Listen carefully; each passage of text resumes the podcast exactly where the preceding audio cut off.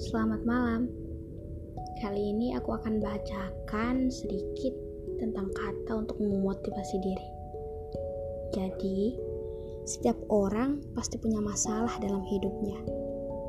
Tapi yakinlah bahwa Tuhan tidak akan memberikan cobaan di atas kemampuan hambanya. Mungkin masalah itu sudah Allah tentukan untuk kita, untuk belajar tegar dalam menghadapi hidup. Janganlah mengeluh dengan masalah yang kita hadapi, karena mengeluh itu hanya membuat kita makin terpuruk. Belajarlah mencari solusinya dan tentukan mana yang baik untuk kita.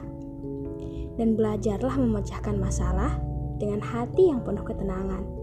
Karena apabila hati kita tenang, maka pikiran kita pun jernih.